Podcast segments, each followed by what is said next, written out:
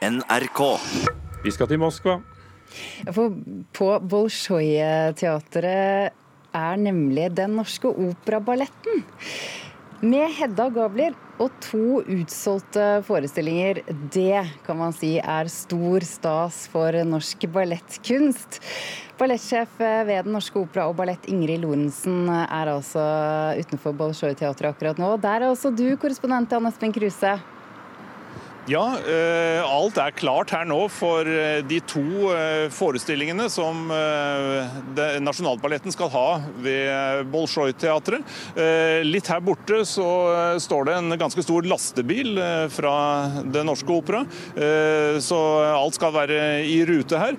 Og så er det altså Det var sånn at det, det ble faktisk utsolgt for disse billettene til de to forestillingene allerede i sommer. Så det er betydelig interesse her. og Ballettsjef Ingrid Lorentzen ved Det Norske Opera og Ballett, hvordan er det å være her?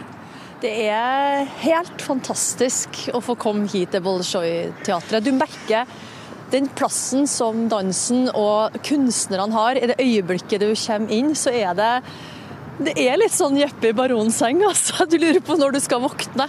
Ja.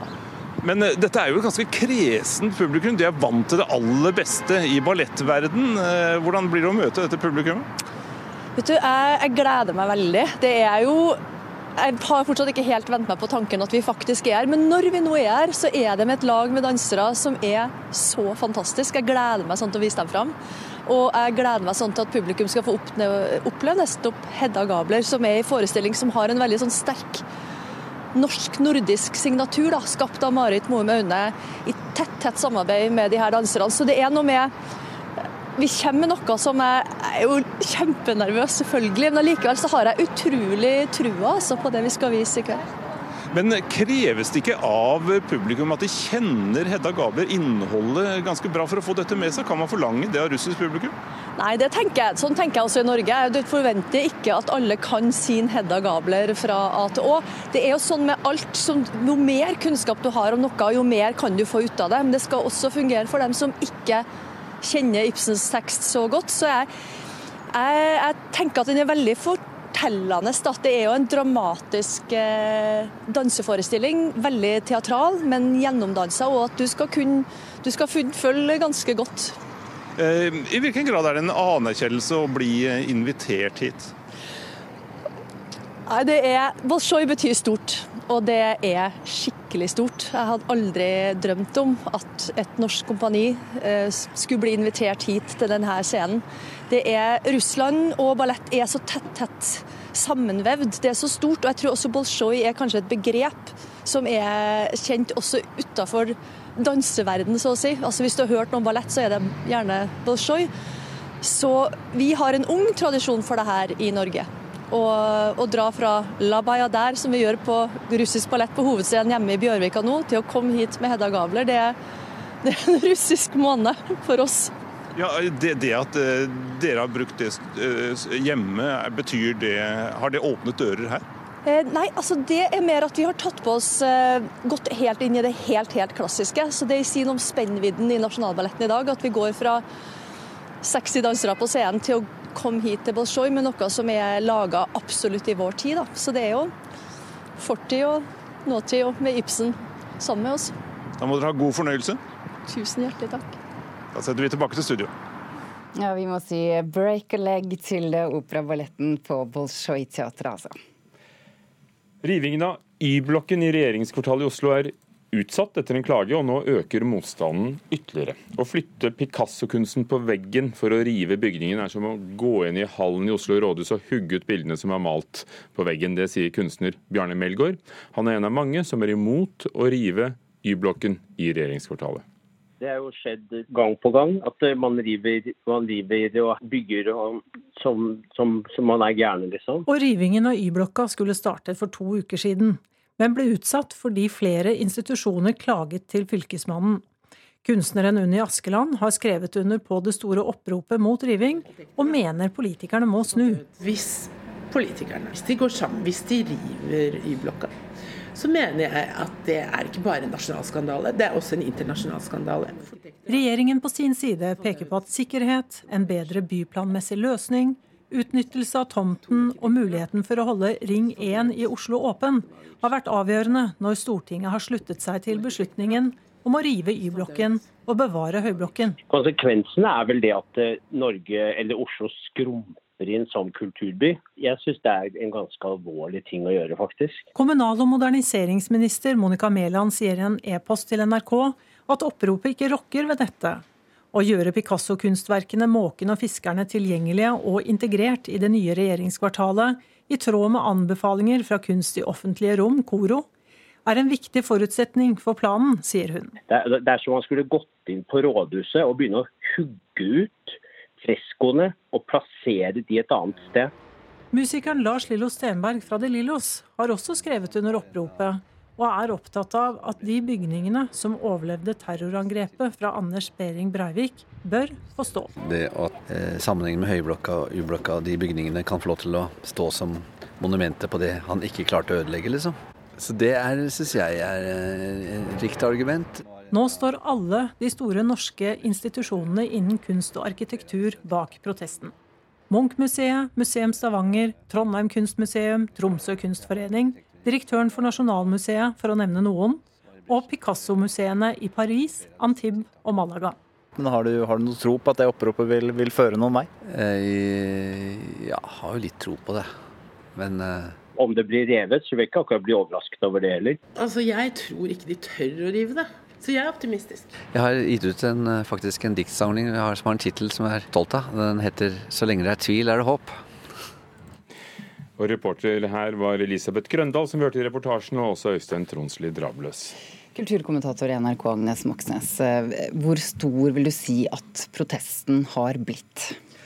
Det, um det så iallfall veldig eh, lenge ut, så så det ut som om Y-blokka nokså stille og rolig kunne bli revet. Men det siste, særlig det siste året så har engasjementet vokst voldsomt.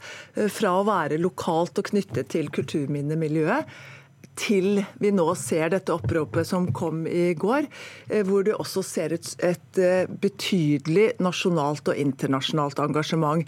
Her er det museer og arkitekter fra absolutt hele Norge som er på plass.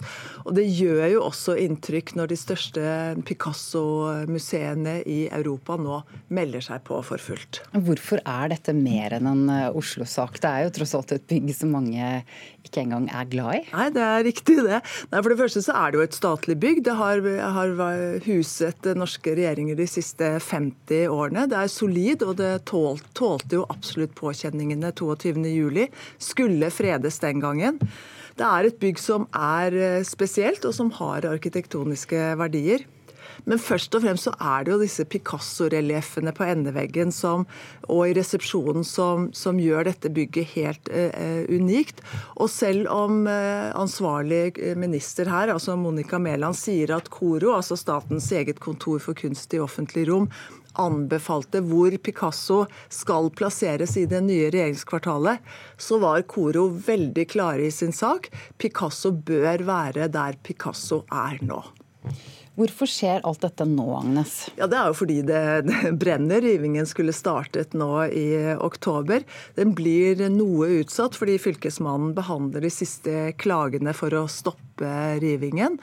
Eh, men som vi vet, Fylkesmannen er regjeringens eh, forlengede arm. Og her det, snakker vi om en statlig reguleringsplan, som igjen da betyr at det er regjeringen som har siste ord. Jeg har spurt deg før, men jeg spør igjen.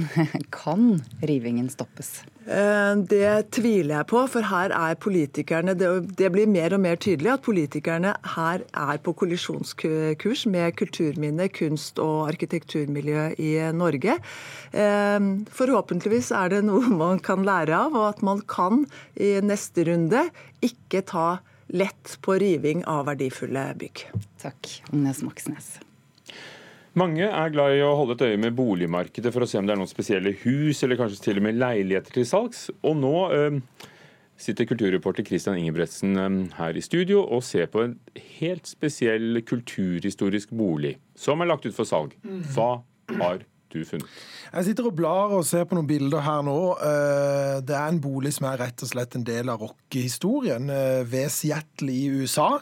Med enorme utearealer. Der er det en fontene, veldig mye grønne og fine områder. Og selv om det mest kjente huset på eiendommen, nemlig drivhuset, er revet, så koster eiendommen nærmere 70 millioner kroner å kjøpe. Klarer dere å gjette hvilken bolig vi snakker om? Nei. Ok, nå skal jeg være litt sånn Ivar Dyrhaug eller Staysman her. Her er et musikalsk hint.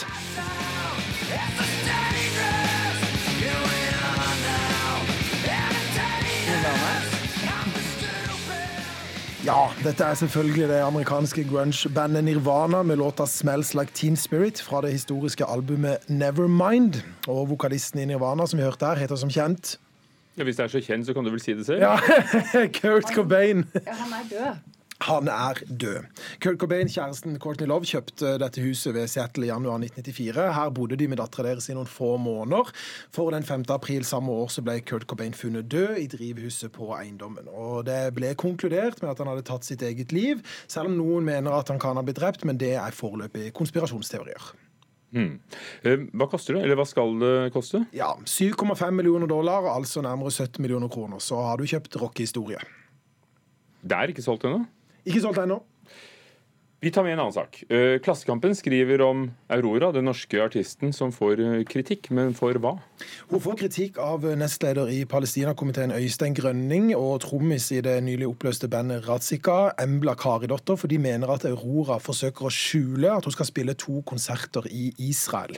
Det er flere norske artister tidligere som ikke har villet spille i Israel pga. konflikten mellom Israel og Palestina.